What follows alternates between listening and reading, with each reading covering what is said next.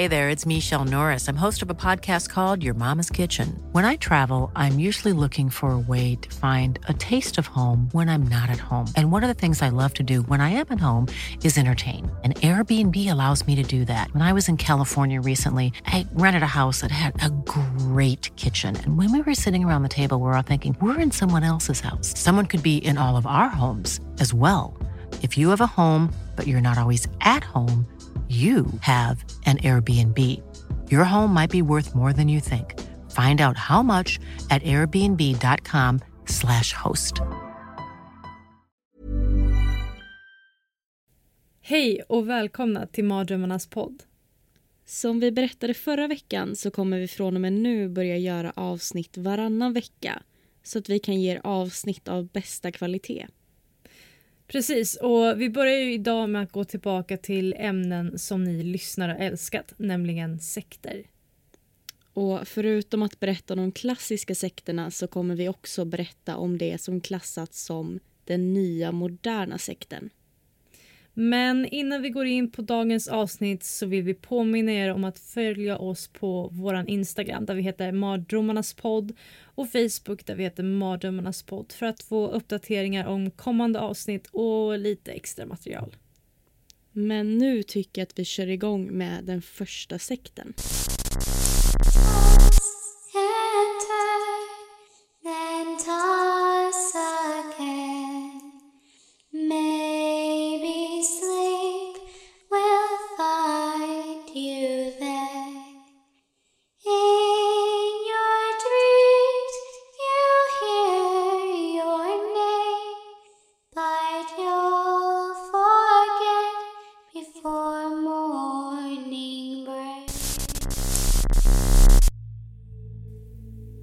2004 så skulle den lilla tätorten fyra mil öster om Uppsala skakas om av ett brutalt mord och ett mordförsök. Det skulle komma fram att de båda offren tillhörde en församling i Knutby och två andra från församlingen skulle häktas för misstanke om mord och mordförsök. Detta skulle komma att göra ett avtryck i svensk historia och vi ska alltså tala om församlingen i Knutby som sedan skulle beskrivas som en sekt av det svenska samhället. Innan händelsen 2004 så levde invånarna i Knutby ett vanligt och lugnt liv i den lilla tätorten med en skala på cirka 500 invånare. Men snart skulle det allt förändras. Snart kommer journalister och fotografer att storma den lilla orten i svar på vad det var som hade hänt. Men för att kunna berätta om detta fall så måste vi gå tillbaka i tiden till året 1977 då Sara Svensson föds i Vaggeryds kommun i Jönköping. Hon växer upp i ett troende hem med sin mamma och pappa. Hon är en omtänksam och snäll tjej som sköter sig bra i skolan. Hennes liv rullar på tills familjen får beskedet om att hennes mamma har fått cancer. En cancer som kommer skörda hennes liv när Sara endast är 11 år gammal. Tiden efter mammans död så tar Sara på sig mer och mer mammans roll. Hon handlar, tvättar, städar och under tiden så sörjer hennes pappa sin frus bortgång och kontakten mellan Sara och hennes pappa blir allt mer glesare med tiden. Sara växer upp och tar examen i omvårdnadsprogrammet i gymnasiet. Hon bestämmer sig för att arbeta ett år med patienter som har olika funktionshinder. Därefter så bestämmer hon sig för att gå i bibelskola i Aneby. Och under sin praktik så besöker hon Knutby där hon skulle praktisera en månad. 1998 så går hon även med i träningsskolan som Knutby församling har. Och det är här hon upplever att Gud berättar för henne att det är hit hon ska flytta. Åsa Waldau, en av pastorerna i församlingen, välkomnar Sara med öppna armar. Hon menar på att Sara var en kvinna som stod nära Gud och därför så utser Åsa henne till teamledare i församlingen. Sara ser upp till Åsa och hennes närhet med Gud hon är hans tolk och förmedlar under sina predikningar om vad Gud talat om för henne.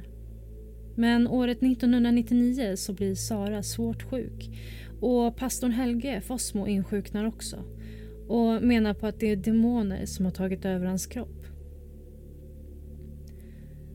Båda ligger sjuka i cirka 40 dagar och församlingen kan se en koppling med Bibeln och deras sjukdomstillstånd. Något i Bibeln som menar på att en period av andlig kamp och prövning. Det började pratas om Sara och Helge och att de båda på något vis var kopplade till varandra. I november så började Sara må bättre och kunde därför börja arbeta. Hon tog sig an ett jobb som städerska och receptionist på ett hotell. Och hon har nu också förlovat sig med sin pojkvän men känner en viss osäkerhet på deras framtid ihop. Helge söker upp Sara i hennes hem där han delar med sig av sin oro till Sara att hans hustru Helene kommer råka illa ut. Han menar sig ha drömt i flera nätter om att hon ska hitta stöd i sitt badkar. Något som sedan blev till sanning. För lördagen den 18 december 1999 så hittar Helge sin 27-åriga hustru Helene död i badkaret. Polisens utredning av hennes död framställs som en olycka där det sägs att hon har fallit. Däremot så visar obduktionen ett hål i huvudet och en toxisk koncentration av dextropropoxen.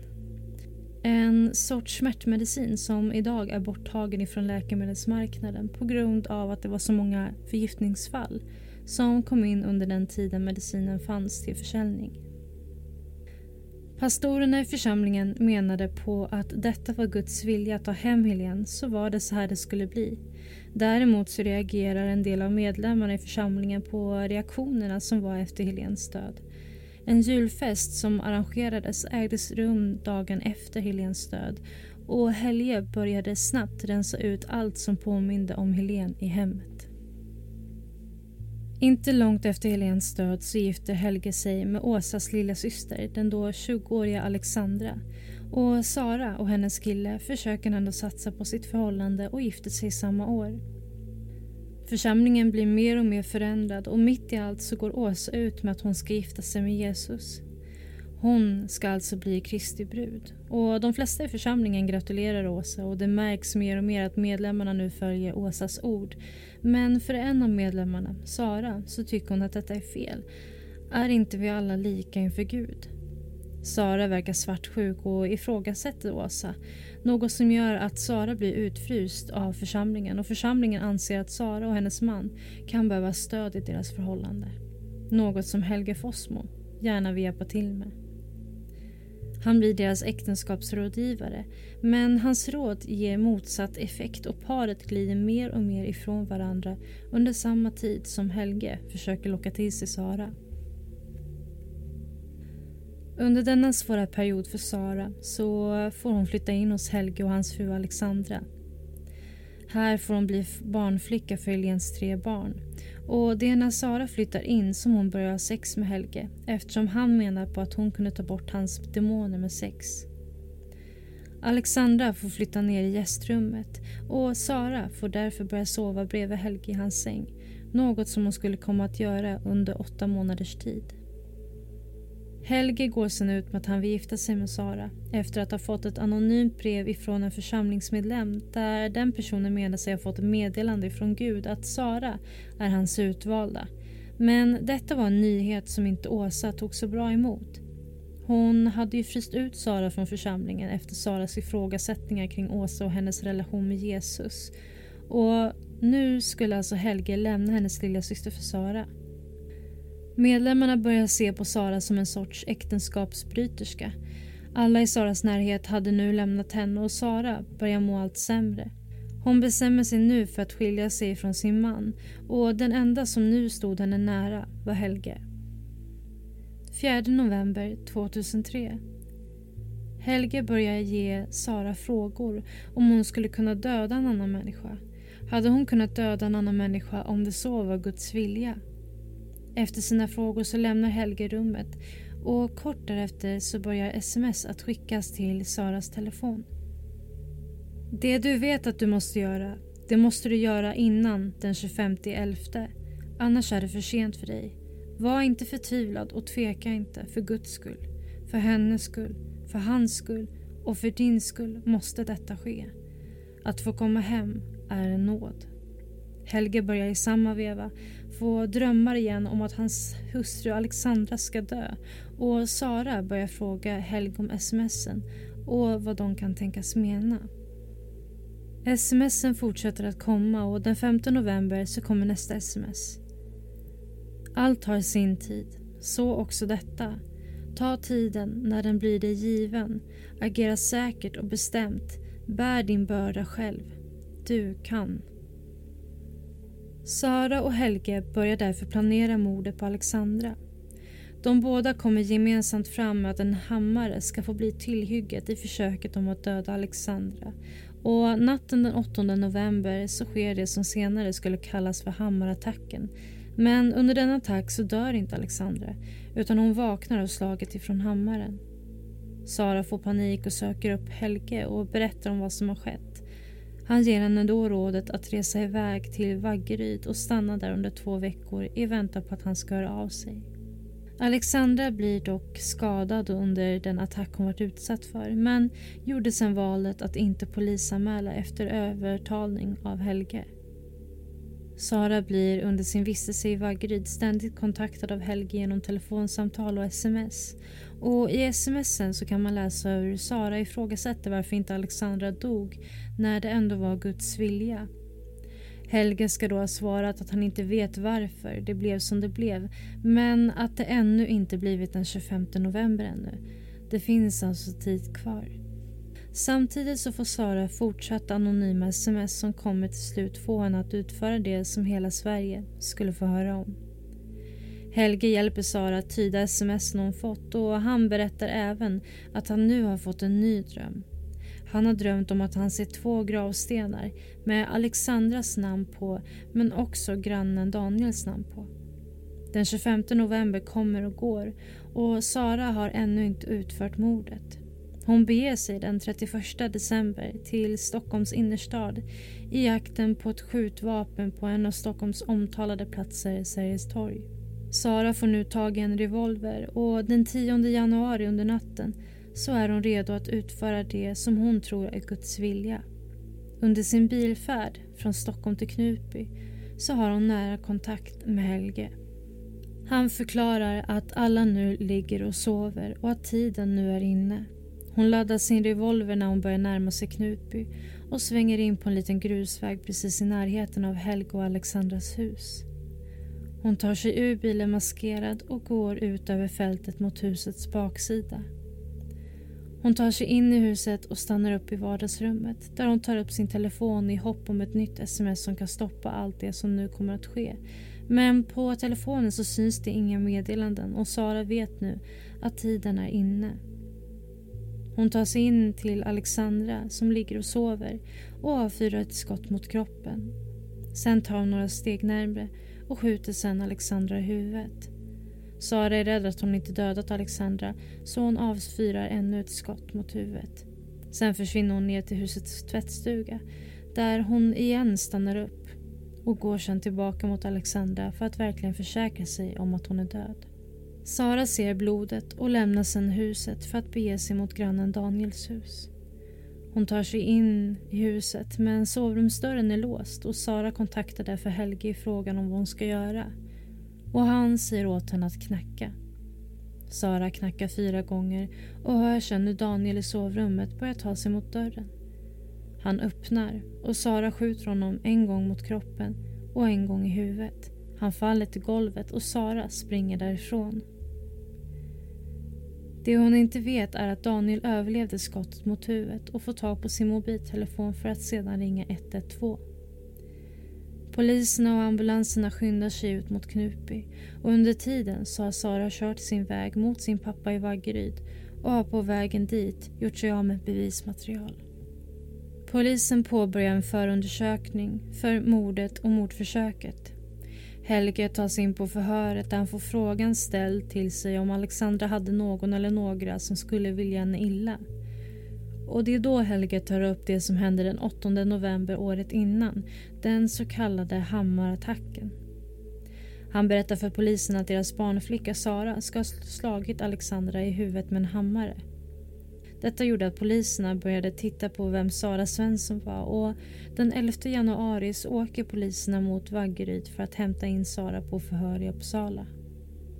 Polisen förklarar under förhör med Sara att de hört om attacken med hammaren på Alexandra och Sara erkänner direkt och i samma förhör så delges hon misstanke om mordet på Alexandra och mordförsöket på Daniel. Sara erkänner och säger att hon ska ha gjort allting själv, något poliserna inte riktigt tror på. Saras telefon genomsöks och där finner poliserna de anonyma smsen som senare skulle visa sig vara skrivna av pastorn Helge Fossmo. Motivet för mordet är att Helge har vid tidpunkten en kärleksrelation med Daniels fru. Därför ville Helge bli av med sin fru men också bli av med Daniel. Allt mer i bevisningen gör att Helge delges misstanke för anstiftan till mord och mordförsök. Den 28 januari 2004 så häktas både Helge och hans älskarinna. Men älskarinnan släpps sedan när man märker att hon inte har något med mordet eller mordförsöket att göra. Den 18 maj 2004 så börjar rättegången där både Sara och Helge deltar. Sara döms för rättspsykiatrisk vård för mordet och mordförsöket och Helge döms till livstidsfängelse för anstiftan till mord och anstiftan till mordförsök. Men nu så ska vi få höra på en helt annan sorts sekt. För som ni vet från vårt förra avsnitt där vi pratade sekter så finns ju en hel del olika sorts sekter. Och jag tycker att vi ska börja lyssna på Alisas berättelse om en väldigt modern sekt som vi nog alla på något sätt har hört talas om.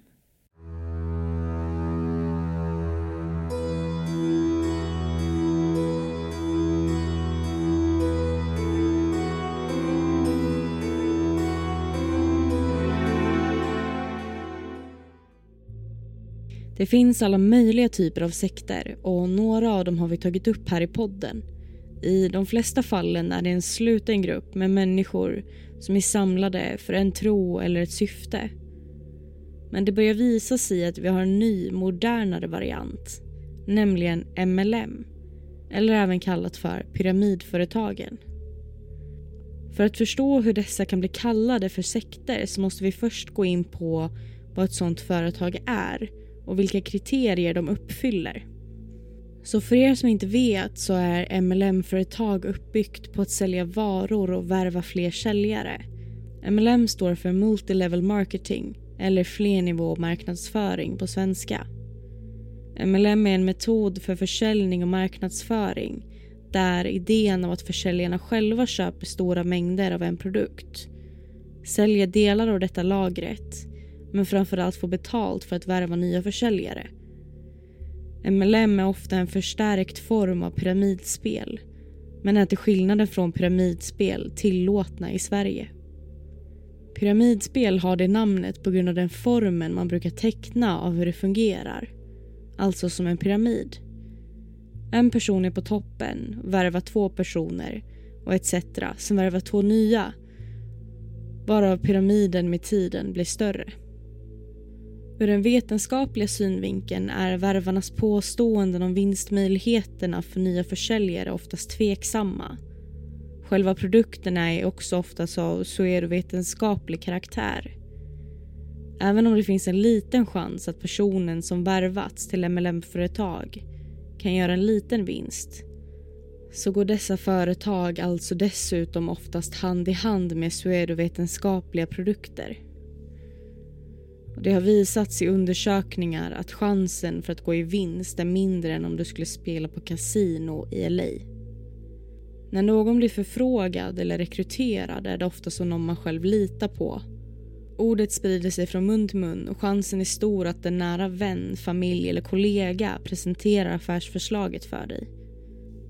Därav så har personen redan ditt förtroende och införsäljningsprocessen blir därför mycket enklare. Förmodligen är personen inte ute efter att lura dig. Personen är grundlurad från början och tror stenhårt på konceptet. Det är oftast lätt att värva en person som inte har något annat val och blir lockad av tanken på att arbeta på sina egna villkor.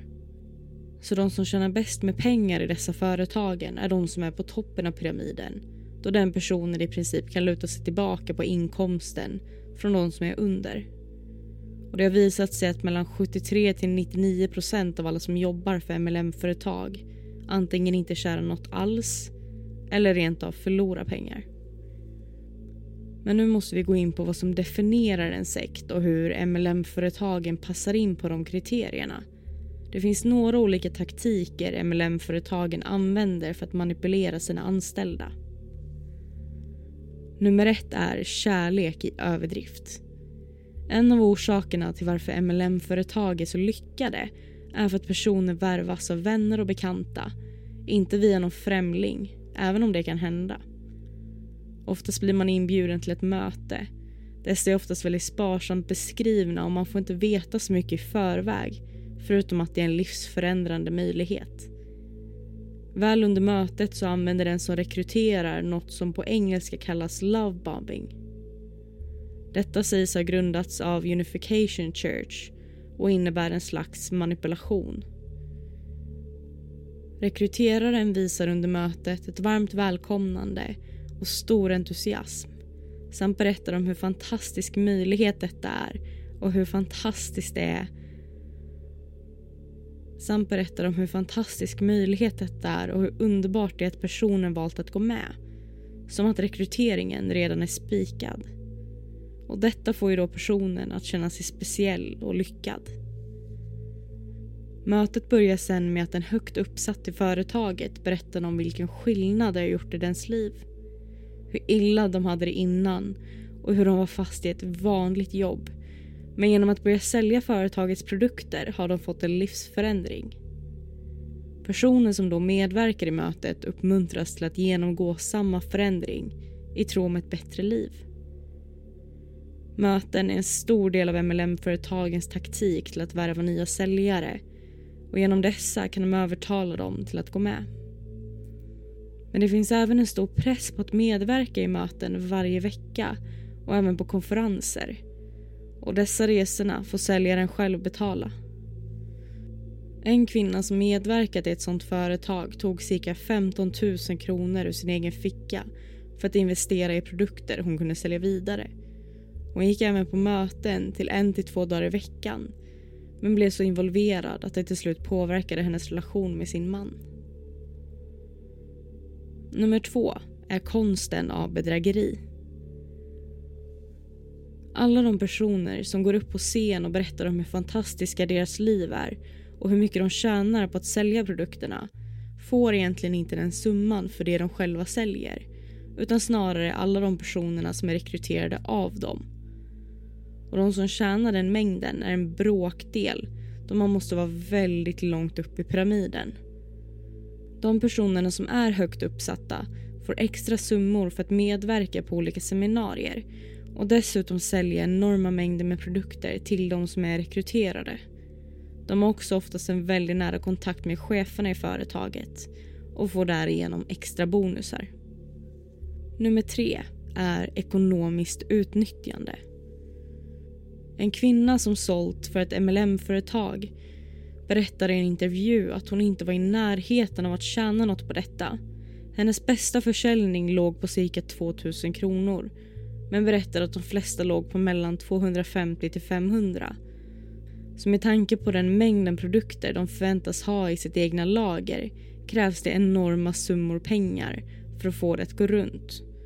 Och då blir de pengarna oftast ur sin egen ficka. Om MLM-företagen nu skulle vara seriösa företag så skulle de inte ha ett sånt stort krav på rekrytering. Men en förklaring till varför de håller på så är för att de oftast förlorar medlemmar och säljare. Men det är ju såklart ingenting de öppet berättar. De har också ofta en minimal mängd som måste säljas och på grund av det så går många back eftersom det finns så många som säljer samma produkt för samma pris. Så i längden blir det svårt att hitta nya kunder. Men även det är ju något de nekar. MLM-företagen har inte heller någon skyldighet att berätta om sina vinster eller annan viktig information då de inte går under samma lag som andra affärsverksamheter. Därför har nya rekryter svårt att se hur det går för företaget innan de går med. Nummer fyra är skuld, skam och rädsla. Här kommer vi verkligen in på likheten av sekternas beteende. Inom MLM-företagen är det ett misslyckande att ha ett så kallat vanligt jobb. Så de lockar in nya rekryter genom att berätta om friheten med att vara en egenföretagare och jobba på sina egna tider och villkor men som vi sett hittills så är inte det så lätt. Så när säljaren sen inte når upp till de målen som satts så får de skulden. Att om säljaren inte säljer så har de fel tankesätt eller måste ändra på sig de får en enorm skuld. Många känner sig inte bara som offer utan också som en dålig person då ens enda sätt att tjäna pengar är att livnära sig på det andra tjänar vilket gör att värvningen fortsätter. Så när en person väl vill sluta för att det inte fungerar ekonomiskt så får de bara sagt till sig att de inte jobbar hårt nog eller inte jobbat där länge nog. Men nu tänker jag att vi går över till en lite kortare historia från en kvinna som var på väg att bli indragen till ett MLM-företag och utnyttjad på grund av sina speciella omständigheter.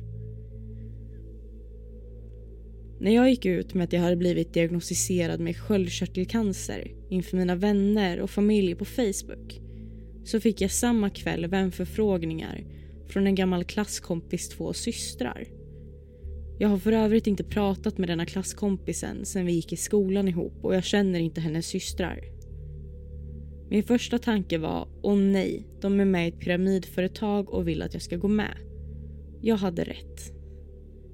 Jag la till dem som vänner för att vara snäll och av ren nyfikenhet för hur lång tid det skulle ta för dem att höra av sig.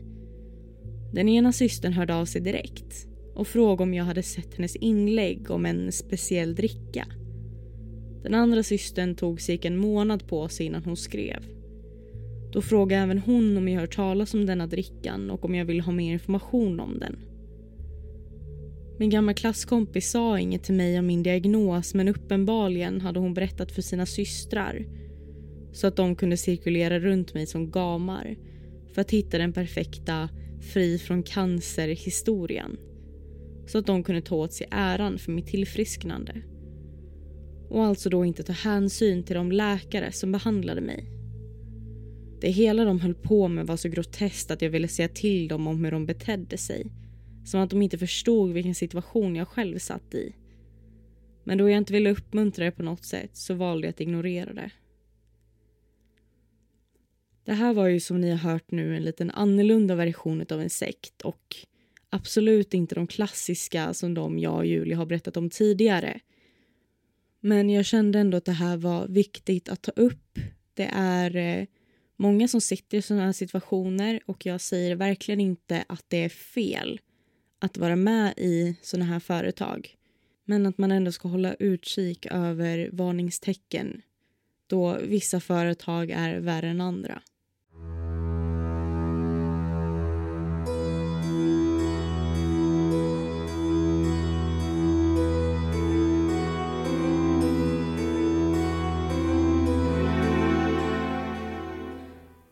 Men det var allt för det här avsnittet. Hoppas ni tyckte att det har varit intressant att lyssna på. Näst, nästa vecka så är vi tillbaka med ett nytt riktigt spännande avsnitt så missa inte det. Och ha det så bra så länge så ses vi i mardrömmarnas värld.